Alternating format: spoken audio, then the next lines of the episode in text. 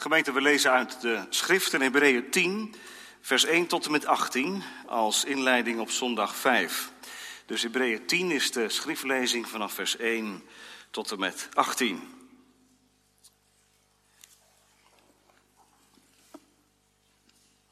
Hebreeën 10 vanaf het eerste vers.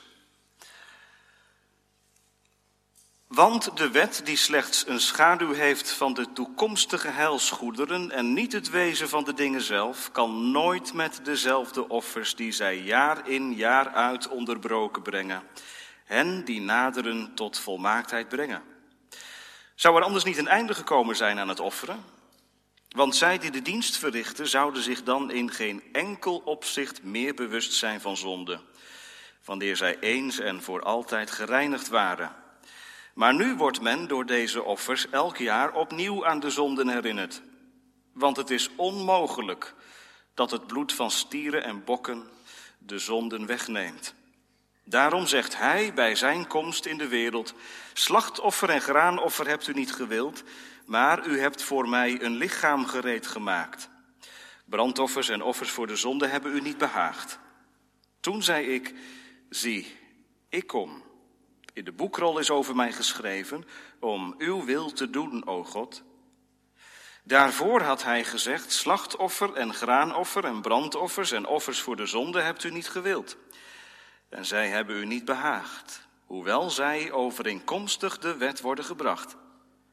Daarna sprak hij: Zie, ik kom om uw wil te doen, o God. Hij neemt het eerste weg om het tweede daarvoor in de plaats te zetten. Op grond van die wil zijn wij geheiligd, door het offer van het lichaam van Jezus Christus voor eens en altijd gebracht. En iedere priester stond wel dagelijks te dienen en bracht vaak dezelfde slachtoffers die de zonden toch nooit zouden kunnen wegnemen. Maar deze priester is, nadat hij één slachtoffer voor de zonden geofferd had, tot in eeuwigheid gezeten. Aan de... Verder wacht hij op het tijdstip dat zijn vijanden tot een voetbank voor zijn voeten gemaakt worden. Want met één offer heeft hij hen die geheiligd worden, tot in eeuwigheid volmaakt. En de Heilige Geest getuigt het ons ook. Want na eerst gezegd te hebben, dit is het verbond dat ik met hen na die dagen zal sluiten, zegt de Heere, ik zal mijn wetten in hun hart geven en ik zal die in hun verstand schrijven. En aan hun zonden en hun wetteloze daden zal ik beslist niet meer denken. Waar er nu vergeving voor is, is er geen offer voor de zonde meer nodig. Dat is het antwoord van Hebreeën 10 op de vraag: wie zal er betalen? We lezen nu uit de Catechismus zondag 5. Zondag 5, vraag en antwoord 12 tot en met 15.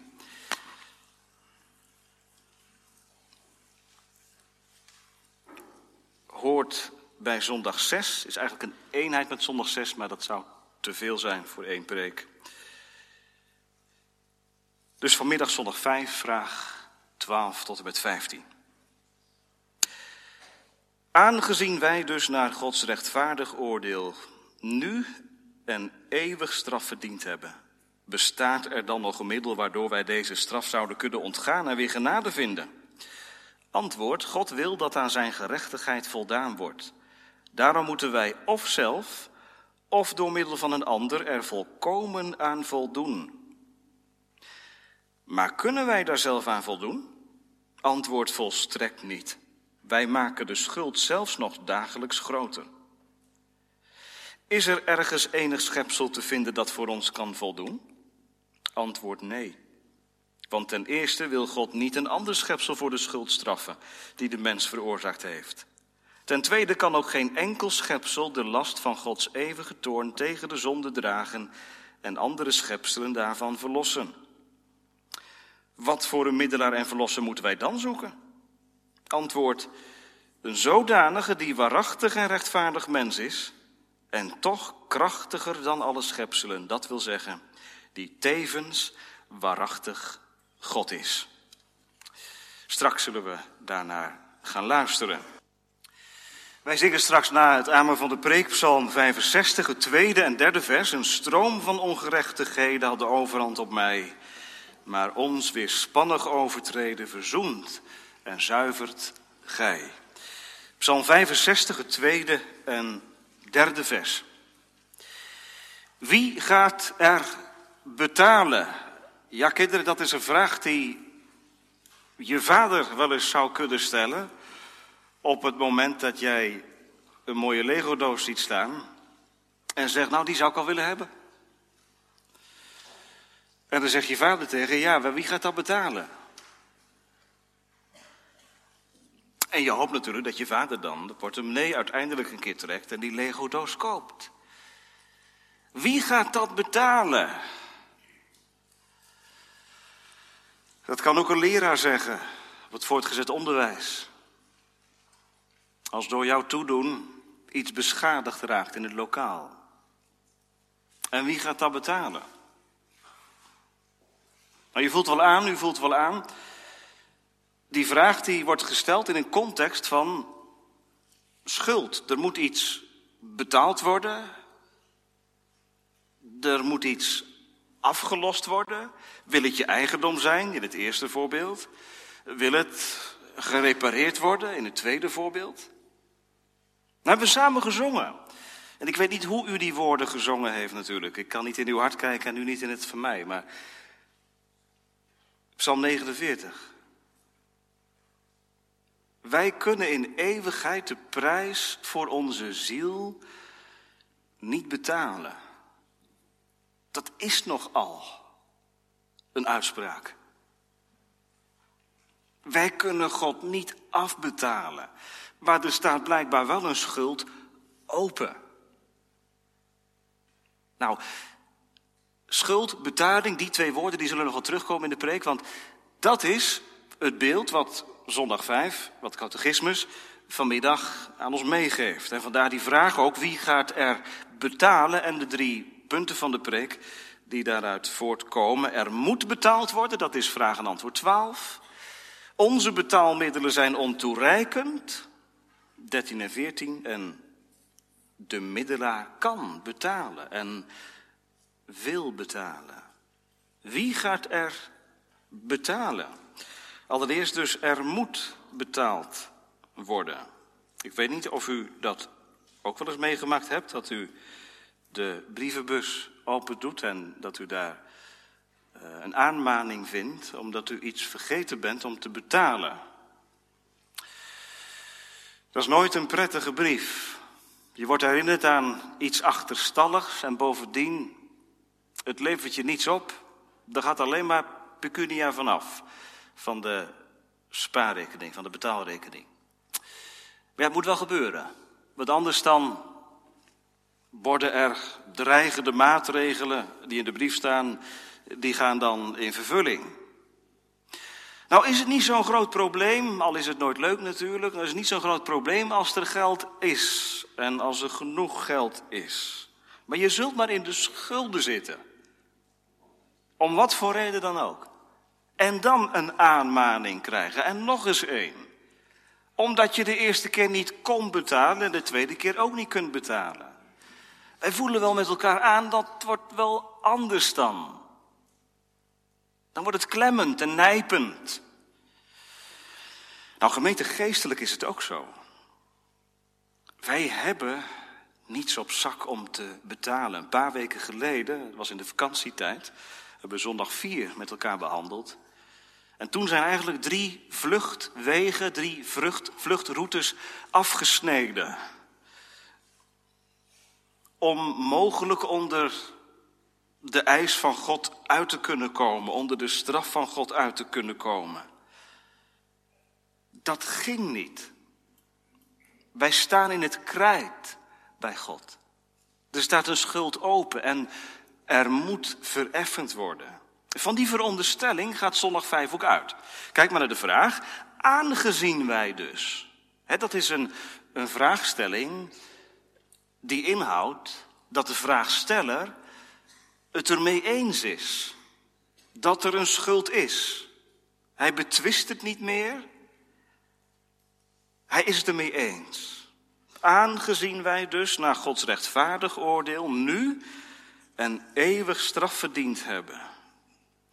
En gemeente, ik zeg er maar meteen bij, dat is taal van een christen. Dat is niet taal van een Iemand die op zoek is naar Christus. Maar dit is de taal van een christen. Iemand die toe-eigent dat hij schuld heeft. En die zingt, ik heb tegen u zwaar en menigmaal misdreven. En die met David beleidt, ik erken mijn schuld, die u tot straf bewoog.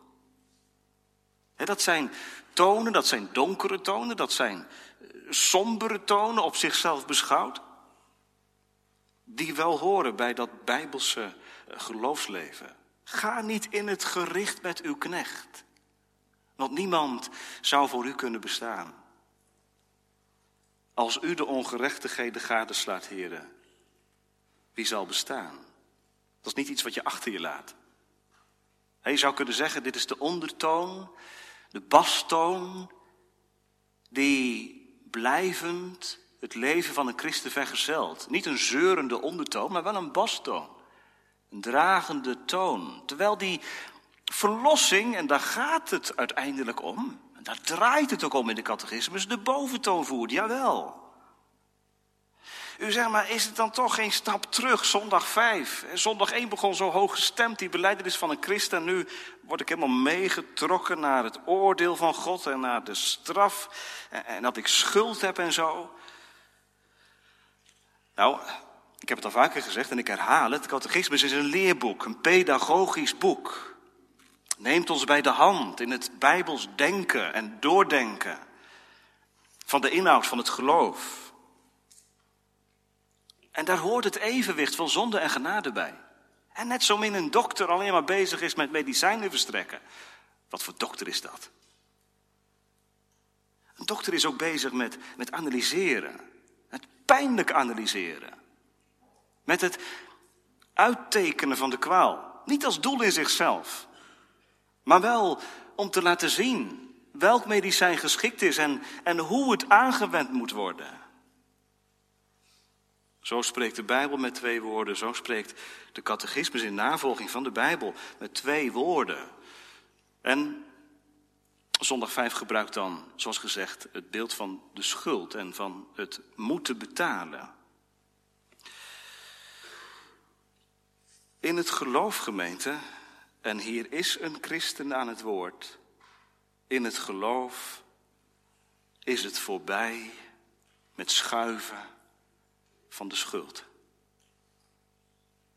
Wat Eva deed en wat Adam deed in het paradijs en wat ons ingebakken zit in het DNA, dat we gaan schuiven met de schuld, een beetje gaan, gaan uh, bagatelliseren misschien, of relativeren of verdoezelen. Op allerlei manieren kun je met de schuld omgaan. In het geloof is dat niet meer zo. Dan wordt er niet afgedongen op de straf, maar en dan zeg ik het maar heel ouderwets, dan val je God toe in zijn recht. U bent rechtvaardig, heren. U bent rechtvaardig. Dominee, zegt de jongen, hoort dat nou bij de verlossing? Misschien heb je wel eens gehoord van um, die hele begaafde christelijke denker Blaise Pascal.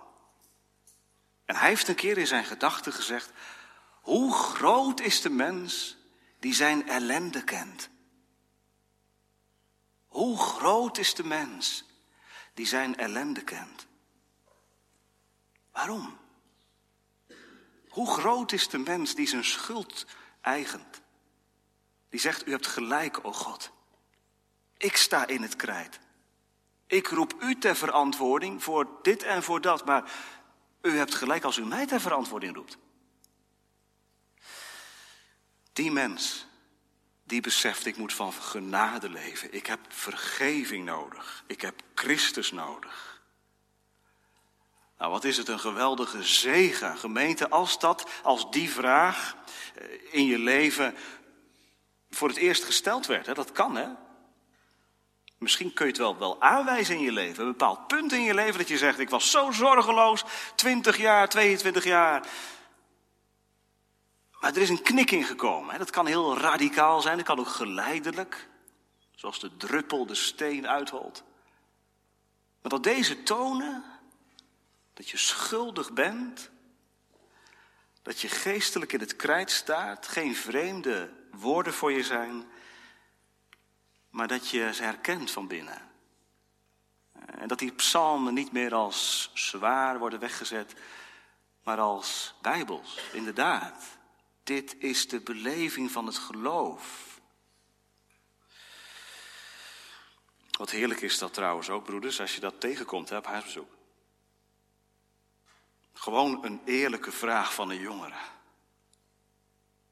Uh, ouderling, dominee, hoe zit het nou?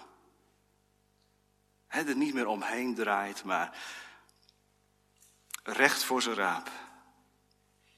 Als ik vandaag sterf, kan ik dan sterven, dominee? Ben ik dan echt bij Hem? Want voor mijn gevoel heb ik alleen maar schuld. Nou, broeders, dan kijken wij niet weg, hopelijk. Hè? Daar gaan wij op in. Dan zeggen ja, dat is ook zo. Dat is ook zo. Nou, en dan mag je vertellen. Eh, niet alleen van het een, maar ook van het ander. En dat komt straks ook nog wel in de preek. Even op dit punt doorgaand, gemeente. Er zijn ook mensen, en misschien komt u ook wel tegen, misschien bent u er zelf wel zo een. Die bang zijn om alleen maar de hel te ontvluchten en in de hemel te komen.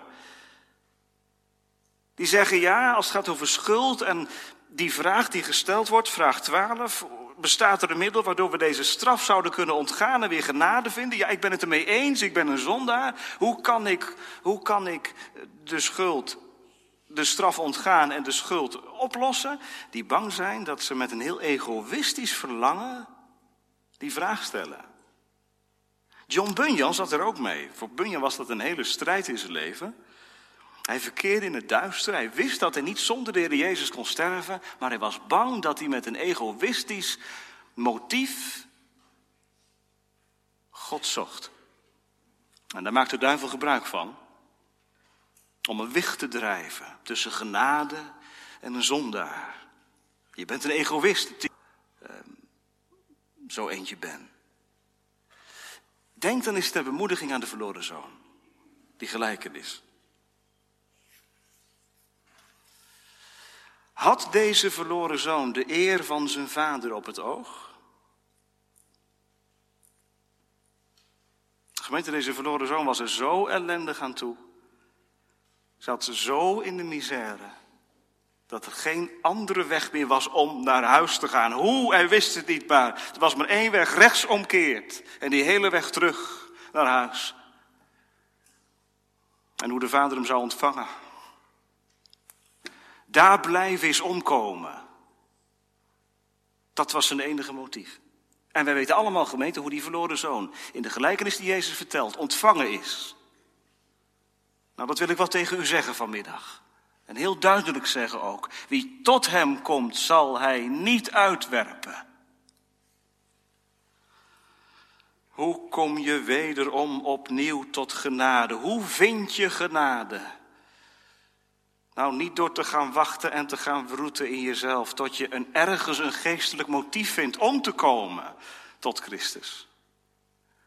Maar te komen zoals je bent. Schuldig en onrein. Geen geld om te betalen. Wel strafwaardig. Komen zoals u bent. Een heerlijke vraag, deze vraag. Toch wel ja. En een vraaggemeente die wij vandaag de dag niet mogen overslaan. Ik bedoel dit, er worden natuurlijk ook heel veel andere en heel veel goede vragen gesteld. In de theologie, in de kerk. Hoe uh, moet je leven als christen? Hoe moet je omgaan met uh, milieu? Uh, hoe moet je omgaan met, nou ja, vul maar in. toch zit daar wel iets gevaarlijks in. Niet in het stellen van die vragen aan zich, maar wel in het stellen van die vragen, waardoor andere vragen niet meer gesteld worden. En dat is iets waar bijvoorbeeld iemand als dokter Alders heel scherp en heel sterk op gewezen heeft in zijn uh, boekjes. Juist deze week las ik een van die prachtige boekjes van Alders over de grote ontsporing. En hij laat zien hoe in de geschiedenis die achter ons ligt, en die is nog niet zo heel oud, de laatste decennia, de vragen gesteld zijn naar hoe kun je als christen leven in de wereld? En dat dat nodige en goede vragen zijn. Omdat er ook dominees zijn geweest. En kerken zijn geweest. En gemeentes zijn geweest. Die uitholden omdat de vragen naar de ziel niet meer gesteld werden.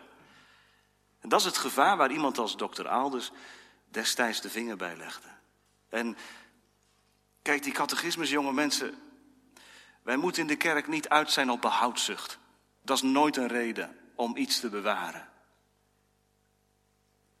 Omdat het oud is of zo. Maar wel omdat die vragen gesteld worden. Die ook vandaag gesteld moeten worden. Die gaan over ons en onze ziel in verhouding tot God. Daarom een actuele vraag. Hoe krijg ik een genadig God? Als ik dat zou vragen aan de kinderen vanmiddag en voor God vul ik je vader in. En voor genadig vul ik vriendelijk in.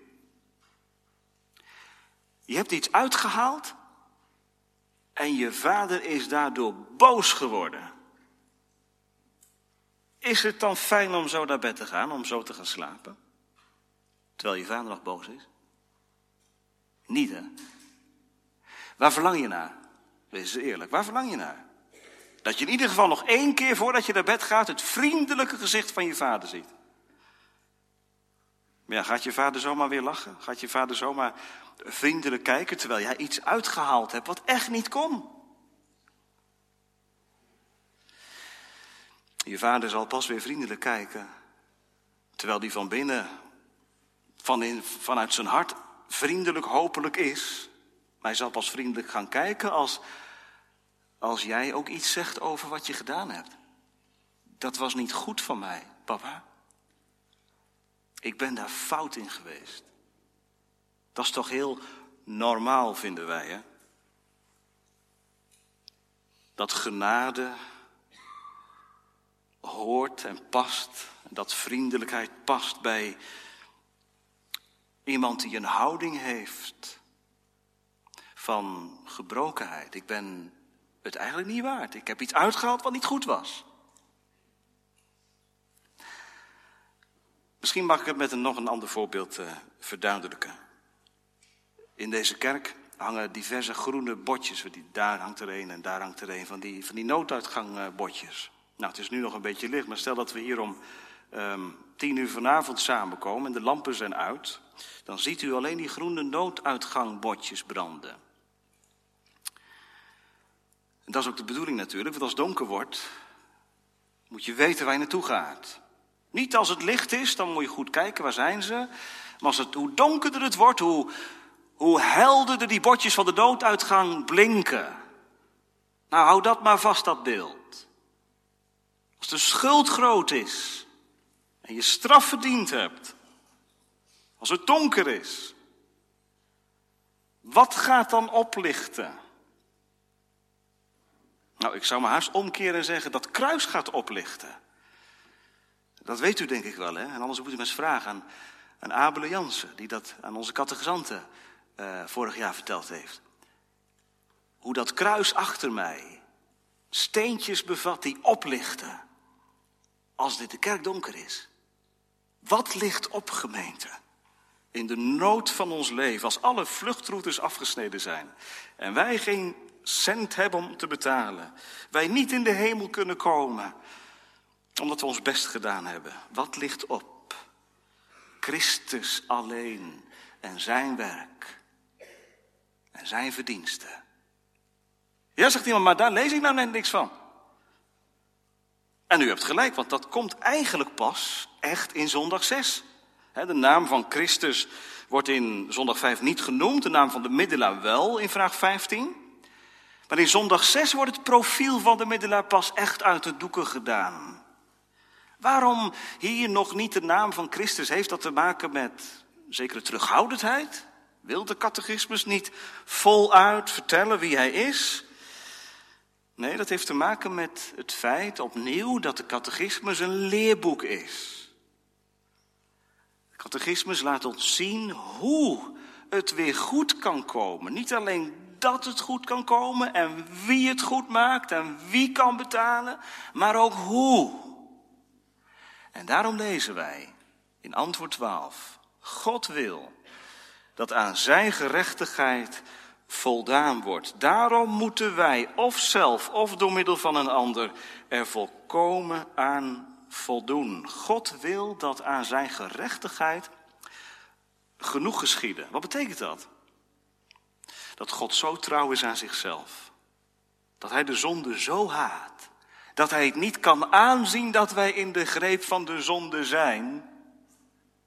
Dat hij wil dat aan zijn gerechtigheid voldaan wordt. God reageert gemeente op zonde. Wat dacht u? God is niet onbewogen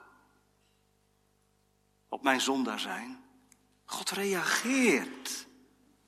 Ook wij reageren op onrecht en op wreedheid. Daar reageren wij emotioneel op. God reageert ook. Met heel zijn hart.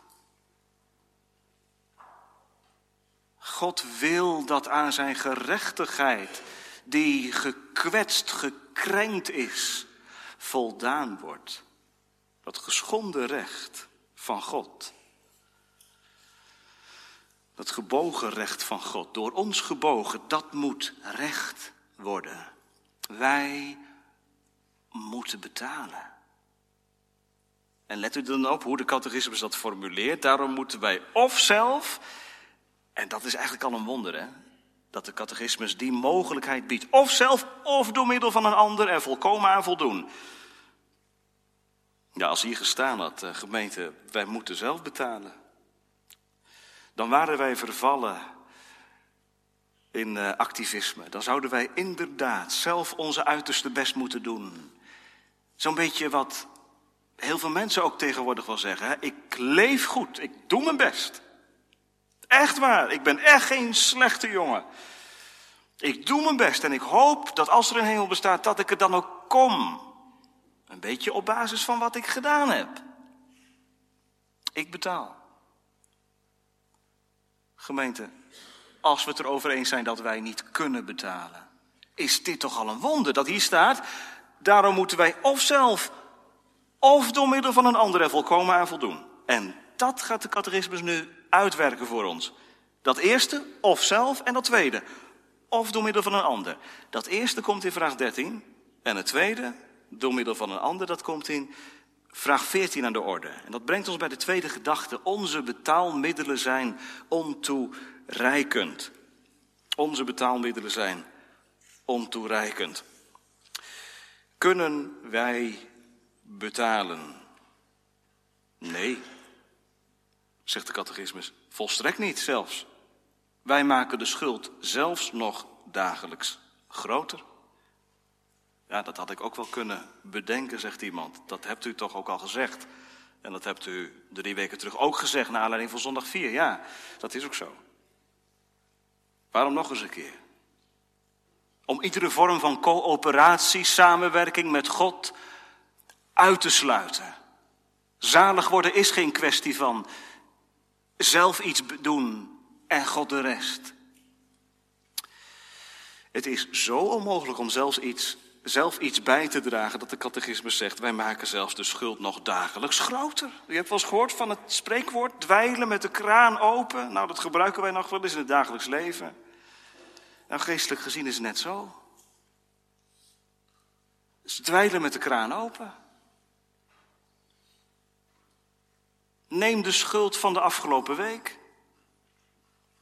Probeer eens na te gaan bij jezelf waarin je gefaald hebt, waarin je in zonde gevallen bent, waarin je in woorden uitgeschoten bent, waarin je had moeten spreken en gezwegen hebt, waarin je aan dingen gedacht hebt die helemaal niet goed zijn.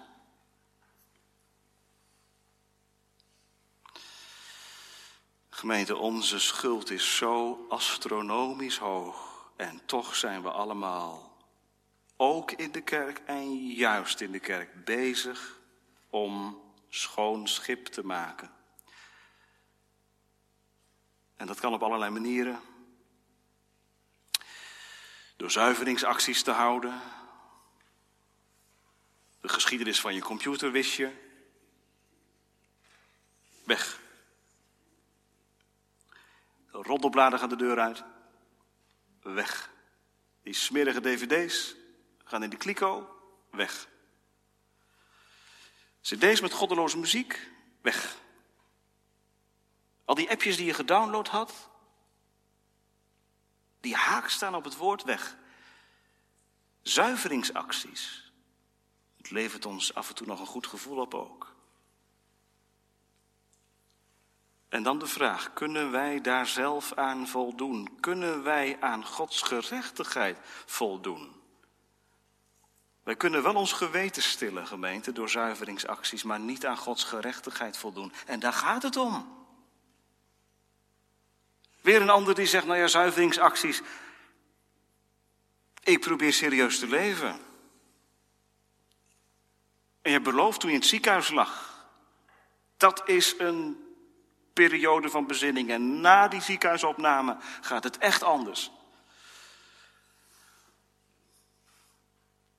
Een ander gaat op zoek naar lichtpuntjes in zijn bestaan. Die zegt, ja, ik ben zondaar en ik sta ook echt achter de gereformeerde leer. We zijn allemaal zondaren. Maar ja, diep van binnen ben je toch niet zo'n hele grote. Er zijn toch wel mensen die wel erg zondaar zijn. Dan jij. Ja, het kan ook op een hele vrome manier. Door te praten over zonde. Hele betogen te houden over zonde en over hoe, hoe schuldig een mens wel niet is. En misschien denk je daarmee zelfs wel indruk te maken op anderen. Kunnen wij betalen? Daar gaat het om, gemeente. Nee, wij kunnen niet betalen. Al onze zelfgemaakte gronden, die kunnen niet bestaan voor God. Geen enkele manier. Ook niet, zegt vraag 14, vraagt vraag 14, door een ander schepsel? dat voor ons kan voldoen? Wij moeten hier denken, uiteraard, aan de context van toen. De Rooms-Katholieke fronten waartegen geschreven werd. De heiligen die in de Rooms-Katholieke traditie een bepaalde plaats hebben gehad, waarvan de gereformeerde traditie zei, zo niet. Levens van heiligen kunnen navolgenswaardig zijn, maar zijn niet aanbiddenswaardig. Heiligen ja, dominee, dat was toen, hè. Wij zitten hier eh, niet in een Rooms-Katholieke Victorkerk, wij zitten hier in een protestantse Victorkerk. Dat is verleden tijd. Is dat zo? Ik vraag me dat af. Of wij ook in onze gereformeerde traditie niet heiligen hebben. Die wij niet met die naam aanduiden, want dat is veel te veel eer voor de mens, zeggen we dan. Maar die wij wel zo op een voetstuk zetten. Een dominee uit een bepaalde kerk. Die gezegd heeft dat. Een oude schrijver. Die wij uit de kast halen. Die gezegd heeft dat. Gods volk. Dat leert dat. En zo zou je door kunnen gaan met allerlei autoriteiten. Waarvan wij zeggen, ja, maar dat is wel zo eh, belangrijk en, en zo goed dat dat gezegd is. O gemeente, ik betwist niet dat we heel veel kunnen leren van Gods volk. En heel veel kunnen leren van oude schrijvers en heel veel kunnen leren. Ook van wat dominees zeggen. Maar als dit gebruikt wordt om aan vast te klampen, of om preken die te dichtbij komen weg te zetten, dan hebben wij onze heiligen, al noemen we ze niet zo, toch. Is er een schepsel te vinden dat voor ons kan voldoen? Nee. Want ten eerste wil God niet een ander schepsel voor de schuldstraffen die de mens veroorzaakt heeft. Met het geloof van je opa, van je vader, kun je het niet doen. Je bent zelf verantwoordelijk. Ten tweede kan ook geen enkel schepsel de last van Gods eeuwige toorn tegen de zonde dragen en andere schepselen daarvan verlossen. Niemand kan de toorn van God voor een ander dragen. Ja, dat is om wanhopig van te worden, zegt iemand. En nog een keer, dit is dus die pedagogische lijn hè, die de catechismus uitzet. Die dus alles afsnijdt om uiteindelijk uit te komen bij de middelaar. Die alle deuren wel probeert open te doen, maar zegt nee, ze bieden geen uitgang, ze bieden geen perspectief. Het moet bij een ander vandaan komen. Bij iemand, en daar hebben we al een zekere omschrijving, bij iemand die zowel schepsel is, als de last van Gods eeuwige toorn kan dragen. En dat brengt ons bij vraag 15. Wat voor een middelaar en verlosser moeten wij dan zoeken? Iemand die, wel, die weliswaar mens is en toch ook krachtiger dan alle schepselen. Dat wil zeggen, die tevens waarachtig God is. Gemeente, onze tweede gedachte was, we hebben geen betaalmiddelen. Ja, we hebben ze wel, maar ze zijn niet toereikend. En nu klinkt het woord middelaar. Hebben we het niet meer over wij, maar over Hem. Daar sta je dan, daar zit je dan in de kerk met schuld die je benauwt. Daar zit je dan met zonde die je er niet onder krijgt. Daar zit je dan met de vraag, hoe krijg ik een genade God? Daar zit je dan met de vraag als jongere. Dominee, hoe moet het als ik vanavond sterf? Is het dan goed met mij? Nou, luister dan. Waar moet je het van hebben? Wat voor een middelaar en verlosser moeten wij dan zoeken? Een zodanige die waarachtig en rechtvaardig mens is en toch krachtiger dan alle schepselen.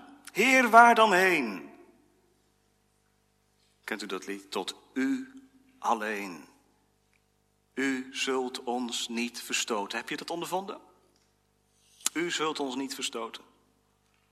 Ik heb het op allerlei manieren geprobeerd, gezocht, hier gezocht, daar gezocht. Hij heeft mij niet verstoten. De middelaar, gemeente, dat is zo'n kostbaar woord voor het geloof. De middelaar tussen God en tussen mensen, die gezonden is uit een hoge naar deze aarde. En die hing tussen twee moordenaars. De middelaar. Oh, wat had hij benauwd, die moordenaar. Hij had straf verdiend. En geen betaalmiddel was toereikend. Totdat. Heere, denk aan mij. Als u in uw koninkrijk gekomen zult zijn. Heden zult u met mij in het paradijs zijn. Hij die de schuld toe-eigende. Hij die zei, ik ben het waard, u niet. Maar Heere, denk aan mij. Hij ondervond. Er is een verlosser. Jezus, Zoon van God. Middelaar. Dat is wat anders dan een mediator. Een mediator die kan in een conflict situatie bemiddelen tussen twee mensen of twee partijen. En die probeert de zaak vlot te trekken. En, en een middelaar is geen mediator en een mediator is geen middelaar.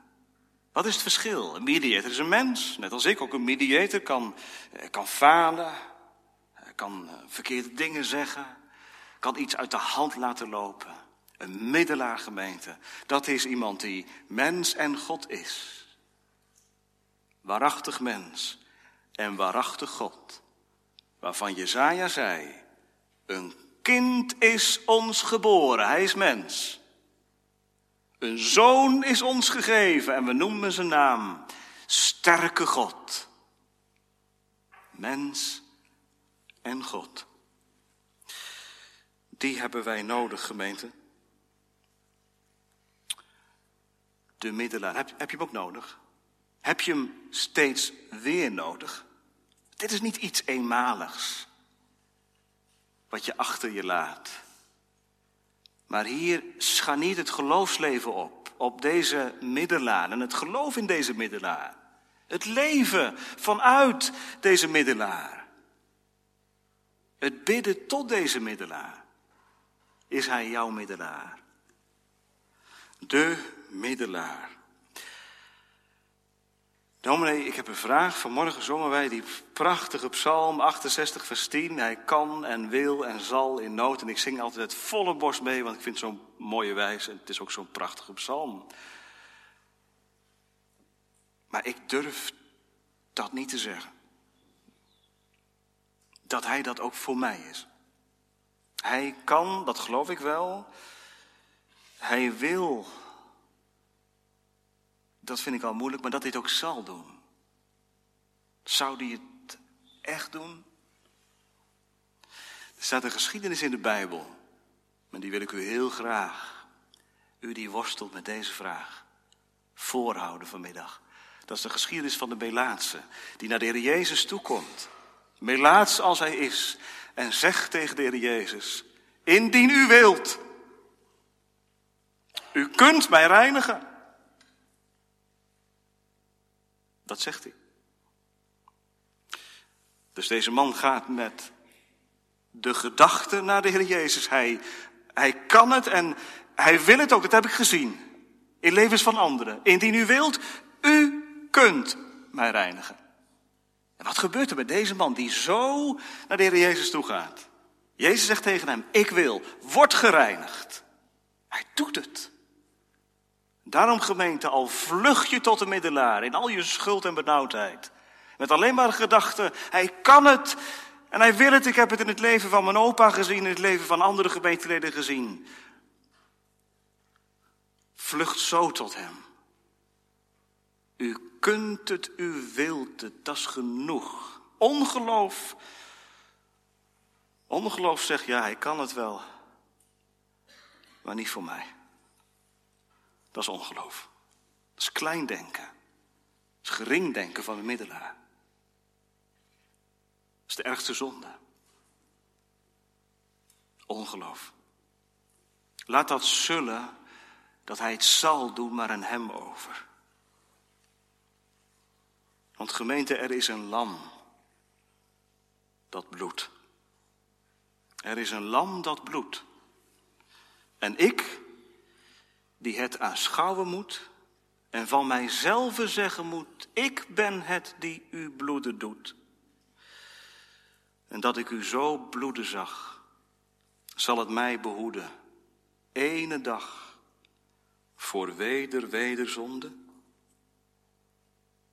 Ik zal u talloos wonden en roepen om uw bloed. Wat ik u daarom zeggen moet, wat ik u zeggen moet, er is een lam dat bloedt. Deze week viel er een boek op de deurmat. De meeste mensen deugen. Rutger Bregman, 32 jaar.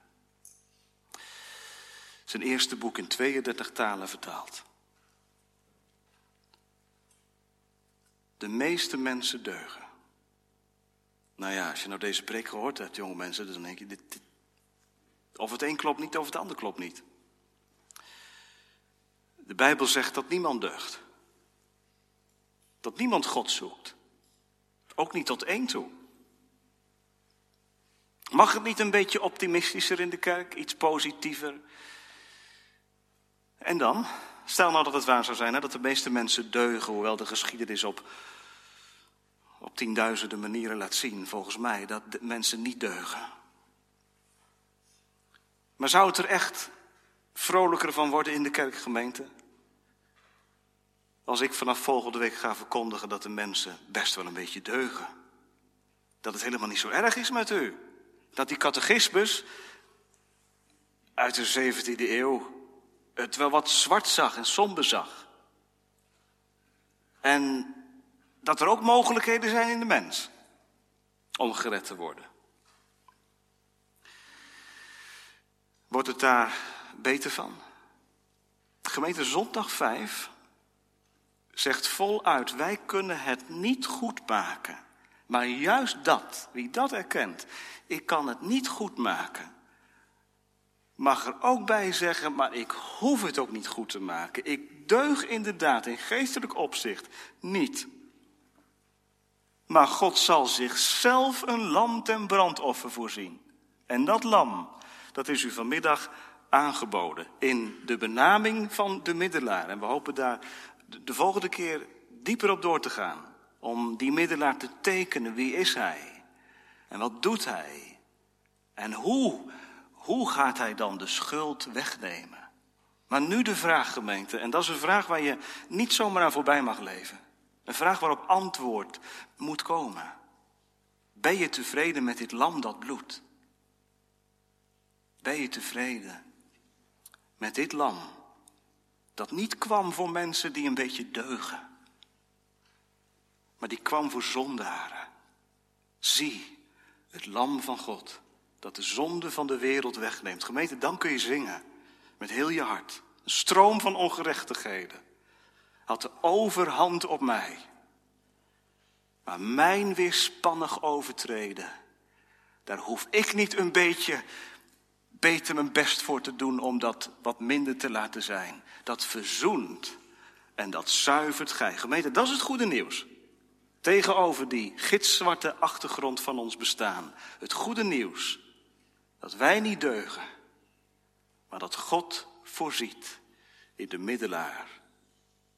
Wat is uw antwoord op dit aanbod van zijn zoon?